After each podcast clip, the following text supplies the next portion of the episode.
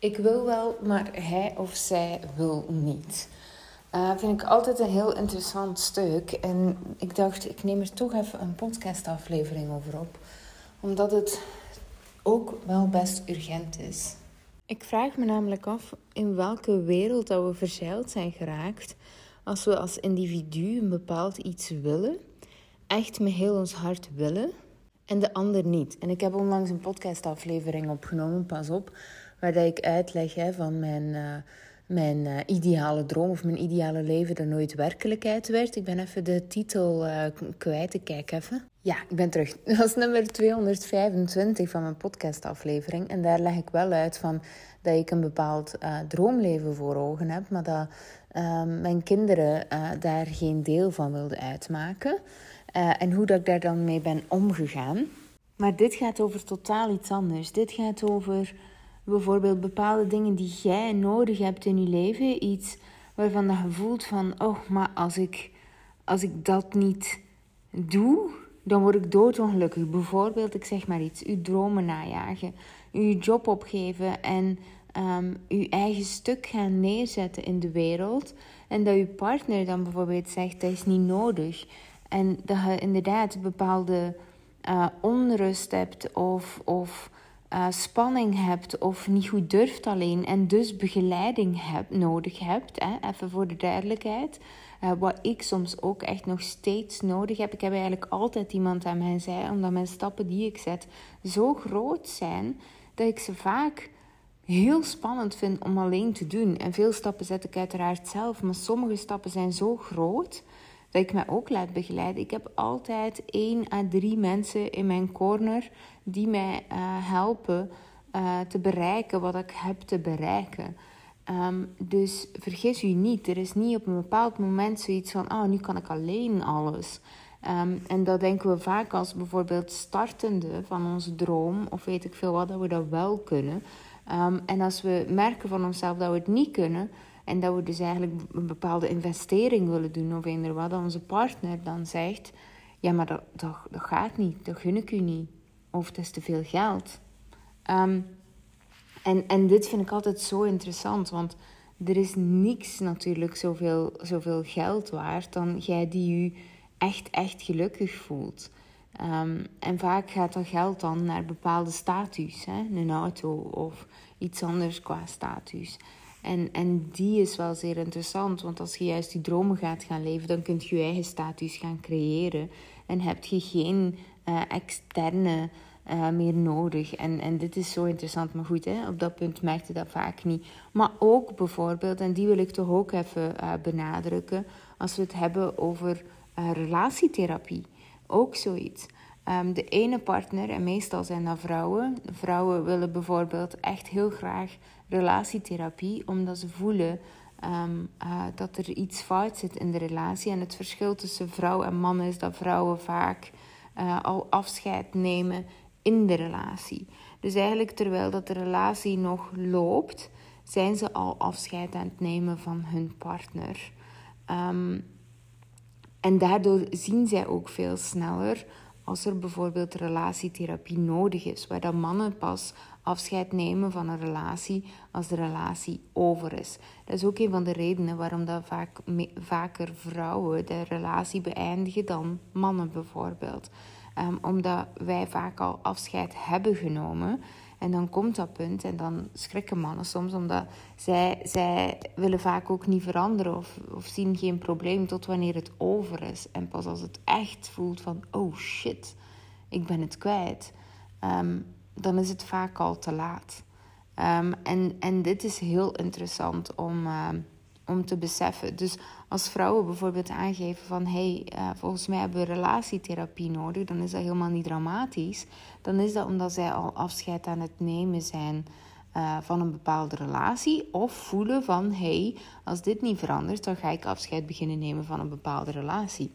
Um, dus, maar dan vaak zien we dus het stukje dat de partner, vaak de man in dit geval, helemaal geen relatietherapie wilt. En, en ook weer daar, dan heb ik zoiets van: hoe kun je in godsnaam dat niet willen als het ten goede komt van je relatie? En ik zie dit zo vaak in uh, relaties. Of dat het nu gaat over relatietherapie, was nu één voorbeeld. Of het najagen van uw dromen. Dat altijd, de, quasi altijd één partner zegt: Oh, dat is toch niet nodig en we hebben het toch goed zo. En dit is vaak de man, sorry mannen. Um, um, maar het is wel vaak zo. En um, uh, dit, dit mag ergens ook wel gaan veranderen. En niet zozeer bij de man dan. Want uiteindelijk uh, hebben zij ook hun recht om dit te doen. Maar wel bij de vrouw. Want waar vind jij als vrouw je eigen verlangen minder waardig tegenover de rest? Hè? Um, sinds wanneer, als wij een bepaald ding voelen en een ander zegt nee, vinden wij het oké om dan hè, te zeggen van, ah ja, oké, ik wou dat graag, maar goed, ja, hij wil het niet. Het, het is een beetje flauw in de zin van, het maakt u een slachtoffer van. Uh, op langere termijn kunt je het dan zelf eigenlijk de ander gaan kwalijk nemen. Um, je kunt dus eigenlijk alles dan op de ander gaan steken. Want ja, dit en dit en dit wou de ander niet. Dus nu ja, kunt jij niet doen waar jij van droomt. En het is een beetje flauw. Uh, heb ik al gezegd. Dus heel flauw. Nee, het is echt flauw.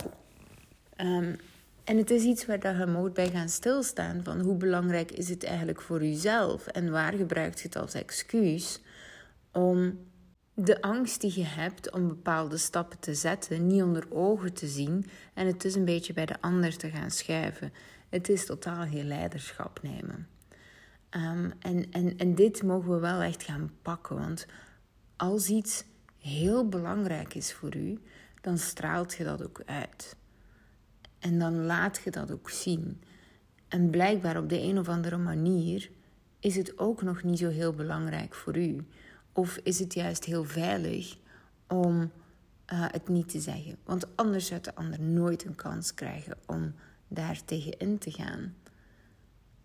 En uiteraard is het heel nefast voor een relatie, want als je op, basis daarvan eigenlijk een, relatie bouwt, op uh, verlangens die niet mogen waargemaakt worden, omdat dit en omdat dat, um, ja, dat zegt heel veel over de relatie die je hebt als, um, als, als koppel.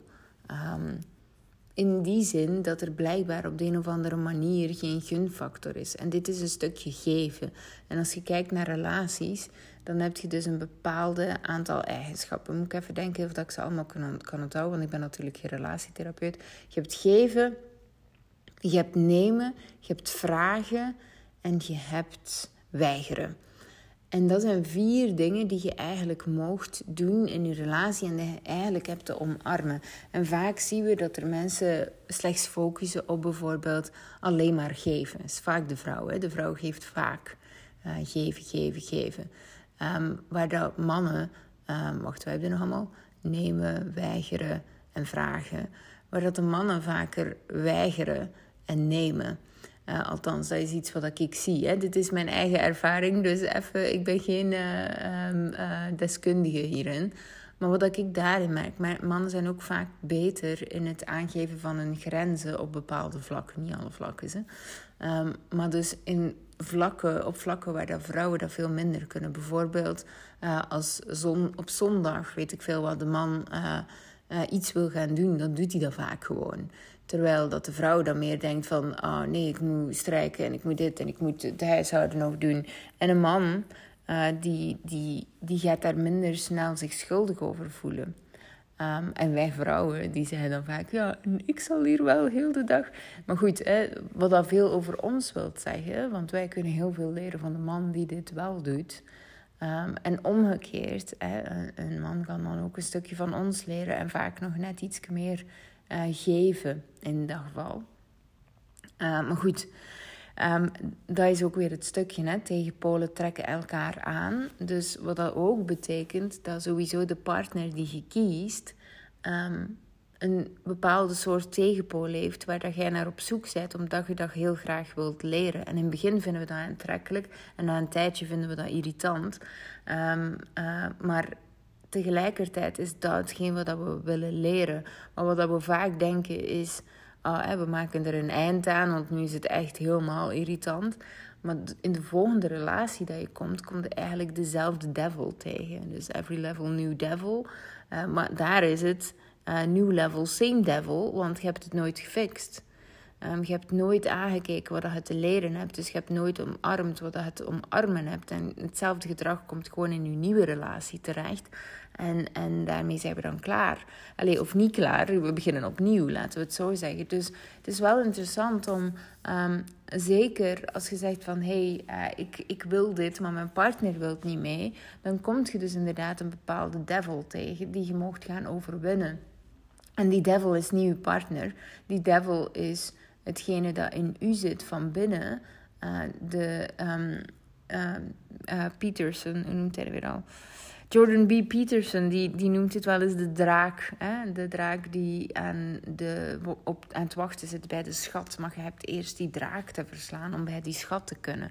Dus dat ding in u dat niet luider wil zijn, dat niet zijn dromen durft opeisen, dat niet durft eisen wat dat zijn verlangen is, zolang dat je eigenlijk niet daar die draak gaat verslaan, komt je ook niet bij het goud. En dat is aan u, altijd opnieuw. Dus um, wat ik echt geloof is dat als uw partner ziet hoe belangrijk dat iets is uh, voor u, echt, echt belangrijk is voor u, en dat hij op je strepen staat en dat um, jij doorduwt in het stukje waar dat, specifiek voor u is. Oké, uiteraard moet je niet gaan doorduwen wat van iemand anders is. Maar als het gaat over uw eigen stuk um, en, en jij, jij gaat daarvoor gaan staan, ja, dan als uw partner u graag ziet, dan gaat hij dat toch uiteindelijk gaan toegeven. En sterker nog, als het bijvoorbeeld gaat over een investering voor jezelf. En je zegt van, weet ik veel wat, hè, bijvoorbeeld pak nu Freedom Unlocked, ik zeg maar iets. Uh, eh, 5.750 euro. Um, uh, en jij gaat daarvoor gaan staan. En jij zegt, kijk, dit is wat ik wil. En um, dus nooit leen ik het van onze, weet ik veel wat, gezamenlijke lening. En ik betaal het terug, elke frank. Want ik wil iets bepaald bereiken. En met datgene dat ik wil bereiken, betaal ik het elke keer terug. En dan spreekt je bijvoorbeeld een termijn af waar je dat terugbetaalt. En dan doe je dat gewoon. En, en dit is zo interessant. Wij zijn natuurlijk, ik en Manu zijn zelf ook op zo'n punt gekomen natuurlijk. En pas op, ik kom uit zo'n relatie waar um, mij niets werd gegund. Um, ik had bepaalde dromen en niks van dat alles mocht. Maar goed, uh, ik mocht zelf niet met een auto rijden. Um, dus ik wou mijn rijbewijs halen. En uh, op dat moment mocht ik zelf niet een auto. Hij had een auto, maar ik mocht er niet meer leren rijden. Um, en nogthans was het gewoon een, een idiote Fiat Punto. Dus je zou nog pijzen van... Uh, dat ik weet niet wat auto was, maar het was gewoon een heel klein stom autootje bij wijze van spreken. Zonder um, uh, daar iets meer over te zeggen. Maar of iets mee te bedoelen. Uh, ik wil gewoon zeggen, want het is geen fancy-pansy uh, auto, maar ik mocht er toch niet meer rijden. Dus ik moest echt elke keer aan mijn ouders vragen van, mag ik leren rijden met, u, met uw auto? En um, dat ging me heel veel stukken zo. Um, dus, dus ik verdiende veel minder. Um, en toch tegelijkertijd moest ik heel veel bijdragen. wat dat voor mij eigenlijk heel moeilijk was om um, iets op te bouwen waar dat, dat voor hem heel makkelijk was. Um, en een van de dingen dat ik toen echt heb besloten van, voor mij voelde dat echt als een abusive relatie. Um, ik, ik kreeg geen ruimte. en ik heb uiteindelijk besloten om daar uh, een stop achter te zetten. en uh, uiteindelijk ben ik dan met Manu iets begonnen. Dat is ongeveer 15 jaar geleden in augustus. Dus 15 jaar geleden heb ik Manu leren kennen. Uh, en zijn we een relatie begonnen. En ik had echt wel zoiets van, vanaf day one, van oké, ik heb dit gehad, ik wil dit echt nooit meer. Uh, en ook wel uitgelegd aan Manu van, dat stukje, um, het stukje waar dat jij meer verdient dan ik. En um, dat ik dus minder rechten heb omdat ik minder verdien, terwijl dat ik in huis bijna alles doe en zo verder en zo verder. Dit stukje gaat voor mij niet op. En dit soort relatie wil ik nooit meer. En ik heb dan niet mijn devil uh, gesleed in, in mijn eerste relatie, maar wel zo mijn tweede relatie gestart. Ehm, en ook echt gezegd van deze relatie werkt ofwel 50-50 ofwel niet. Ehm, en dat was voor Manu bijvoorbeeld heel moeilijk. Maar voor mij was het echt van... hé, hey, maar als we zo niet kunnen starten, dan doe ik het niet. En dit was voor mij super belangrijk. Het was ook risky, want voor hetzelfde geld had hij gezegd: Hé, zot wijf, uh, we zijn nog maar net samen en het gaat hier al over geld. Maar het was, mij echt, het, het, was het mij ook echt waard. En ook een van de dingen wat ik voelde was: ja, maar ooit, ooit ga ik meer betekenen dan dit. En dat klinkt heel vreemd, maar dat heb ik al sinds kinds af aan. Sinds kinds af aan voel ik dat ik meer in de wereld neer te zetten heb dan dat ik doe. En zelf vandaag doe. Uh, ik voel dat ik voorbestemd ben voor iets veel groters. En dat is een gevoel dat zit daar, dat gaat niet weg. En dat is zo lang al. Uh, en daar ben ik steeds dichter toe aan het komen. En ik doe het wel al, maar er zit nog iets meer. En, um, en iets meer qua dienendheid naar de wereld toe. Dus niet zo van, oh, streel mijn ego. Nee, het gaat echt over dienen. Um, dus ik voelde ook wel van, van, ja, maar dit is niet het einde. En daar is maar nu natuurlijk vet mee. Maar op een bepaalde manier heb ik dan ook gezegd van... hé, hey, laten, we dit, laten we dit gewoon proberen. Is het niks? Ook helemaal prima. Dan, dan keren we gewoon terug en dan, um, dan zet, zetten we de stop erop. En dan krijgt gewoon ieder zijn eigen rekening weer terug. Maar geef me gewoon een kans. Wat we toen deden was inderdaad 50-50 ons geld bijeenleggen. En het, het interessante was... Uh, maar nu had ik geen spaargeld. Ik had een beetje spaargeld. Um, en, uh, maar nu had eigenlijk een heel slecht geldpatroon. Dus wat ik wel echt uh, ging doen was: oh, maar wacht. Um, jij geeft meer geld uit dan dat er binnenkomt. Vond hij verschrikkelijk. Um, maar daardoor uh, kwamen we er dus wel achter dat Manu dus eigenlijk schulden begon te maken. Hij had dan ook een creditcard en zo. Um, waar dat echt uh, waar, dat op langere termijn kon lenen. Ik weet niet meer hoe dat dan noemt. Uh, maar goed, hè, iets, iets heel verschrikkelijks met 10% rente op. Um, had hij van de Fortis bank gekregen. Goed, verschrikkelijke kaart. Zo echt iets voor mensen in armoede bijvoorbeeld, om ze nog dieper te gaan duwen. Echt, vreselijke kaart. Maar goed, die kaart, en daar stonden dus redelijk wat schulden op. En uh, wat er dus wel gebeurde, was dat er een bepaalde frictie ontstond. Van, hé, hey, uh, ineens heb ik hier een controleur. was helemaal niet tof. Maar ik heb nooit Um, maar nu dingen willen ontnemen. Ik zag gewoon alleen van, hé, hey, maar dit is fout. En dat had ik niet gezien als we elk apart onze uh, financiën hadden gedaan. Um, en, en dan wel. Daardoor heb ik het gezien. Um, daardoor ben ik met hem heel veel in gesprek gegaan. Heeft hij zijn schulden heel snel afgelost. Uh, ik denk binnen de zes, zeven maanden uh, afgelost. Vond hij verschrikkelijk, want hij kon ook geen geld meer uitgeven. Want als er nieuw geld ging naar het aflossen van zijn schulden. Um, en uh, de bankkaart ging in twee en klaar. Het was een rondo-kaart, denk ik. Ik weet het niet zeker meer, maar goed. Ja, los daarvan... Um, daardoor begon het te veranderen. Dus van zodra eigenlijk dat hij zijn schulden had afgelost, wat ik, ik zei het al, nooit had ontdekt als we dit niet hadden gedaan, um, ontstond er eigenlijk ruimte voor iets nieuws. Doordat wij ons geld samenleiden, um, konden we dus ook andere dingen gaan kopen. En door het samen te leggen ontstond er iets wat we niet hadden kunnen verwachten, maar er werd meer geld gecreëerd. Er was meer ruimte om met geld te spelen. En eigenlijk door ons geld te zien als een team uh, en dus samen beslissingen te nemen, konden we dus echt heel veel spelen. En dat betekent natuurlijk dat we, um, dat we bijvoorbeeld makkelijker een huis konden kopen. En dat er ook niet werd uh, moeilijk gedaan over wie, wat, hoe, waar, wanneer. Um, en dat, omdat we alles gewoon samen zagen. Um, geld was niet meer waard dan mijn tijd en energie bijvoorbeeld. Maar ook omgekeerd, zijn tijd en energie was niet meer waard dan het geld dat ik binnenbracht. En uh, daarna ging ik bijvoorbeeld... Um, uh, uh, startte ik een onderneming. Wat dat betekende dat hij even alleen het geld verdiende. Maar ik hoefde niet in te boeten, omdat hij alleen het geld verdiende. Dus ik had eigenlijk de ruimte, dankzij dat hij mij ondersteunde op dat moment. Maar doordat ik zo gedreven was en doordat dat niet voelde als een fluwelen kussen, maar veel meer als een teamspel. En dat is het echt geweest. We hebben nooit zo... Want soms doen we dat, hè. Dan betaalt de man alles en wij zitten... Weet ik, of de vrouw, hè, kan omgekeerd ook. Er zit er één iemand op het fluwelen kussen. Dat is bij ons nooit geweest, omdat wij... Het was altijd een team. We waren altijd een team als het ging over dat geld. Dus wat dat er gebeurde was dat ik ook wel heel uh, gedreven was om die onderneming te laten slagen. En inderdaad, de eerste maand verdiende ik 80 euro, niet meer dan dat, weet ik nog heel goed. Uh, want toen was ik heel trots op die 80 euro ik dacht, ja, uh, nog, nog, nog uh, eh, 1500 te gaan en ik ben er. Maar de tweede maand had ik 500 euro. De derde maand had ik drie, nee, niet 3000 euro, 2000 euro. En ineens ging het heel snel. En tegen het eind van de maand had ik, uh, tegen het eind van het jaar had ik ineens een onderneming met 100.000 euro op de rekening. Niet op de rekening, maar omzetrekening. En uh, dan ben ik beginnen overnemen. Dus dan ben ik heel veel geld beginnen genereren. Waar dan maar nu dus uh, uh, ook dan ruimte kreeg om te stoppen met zijn job en zo verder. Dus we zijn er eigenlijk heel goed uitgekomen. Um, omdat het vanuit een heel pure energie was. Het was nooit vanuit...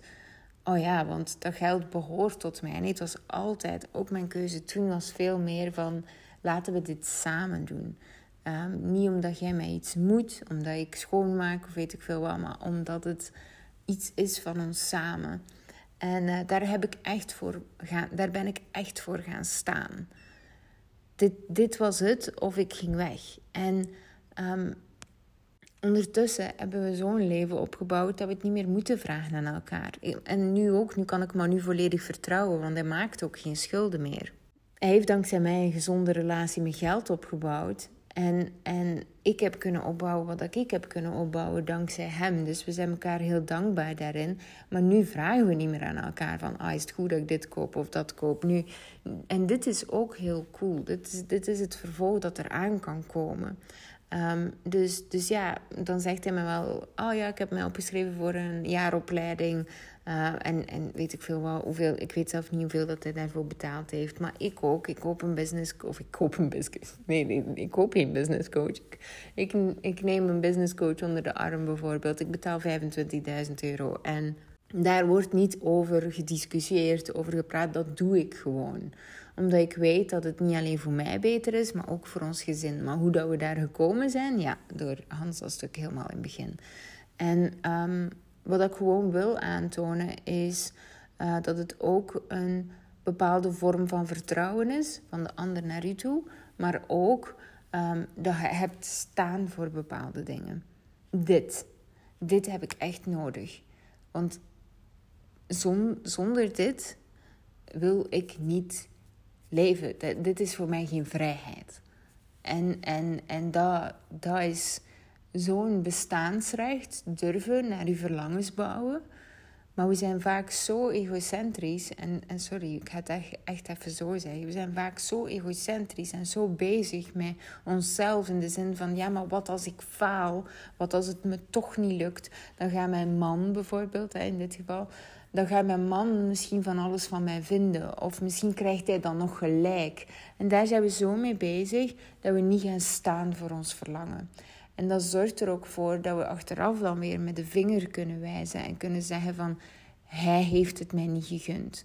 Of hij heeft mij belemmerd daarin. Nee, nooit. Hij heeft u nooit belemmerd. Hij heeft u nooit iets ontzegd. Jij hebt het u zelf ontzegd. Omdat je niet bent gaan staan voor wat je in geloofde. Omdat je er eigenlijk helemaal zelf niet voldoende in geloofde. Dus cut the crap. En dat meen ik echt cut the crap elke keer opnieuw door te zeggen: Ah, maar mijn man wil het niet of mijn partner wil het niet. Als dan, het is gewoon dikke bullshit. Um, en ik hoef het ook echt niet meer te horen. Bijvoorbeeld, ik, als ik, dit is iets wat ik heel vaak hoor uh, als limiterende gedachte, bijvoorbeeld om in Freedom Unstoppable of in Freedom Unlocked in te stappen, of zelf Money Unlimited. Um, en bij Money Unlimited kan ik het ergens nog snappen, want daar is de stap nog groter. Want in Money Unlimited, wat ga je doen? Dan ga je investeren en met het geld dat, dat we ze samen hebben. Dus daar kan ik nog meest de, dat stukje uh, angst gaan in uh, begrijpen. Alhoewel dat ik dan zoiets heb van, hey, doe het dan samen. Maak dan samen uw regels op. Um, uh, beslis dan samen. maar leer er samen over, zodat het geld kan groeien, bijvoorbeeld. In Freedom Unstoppable is het natuurlijk vrij individueel. Je kunt wel alle twee instappen, maar dan is het alle twee individueel instappen.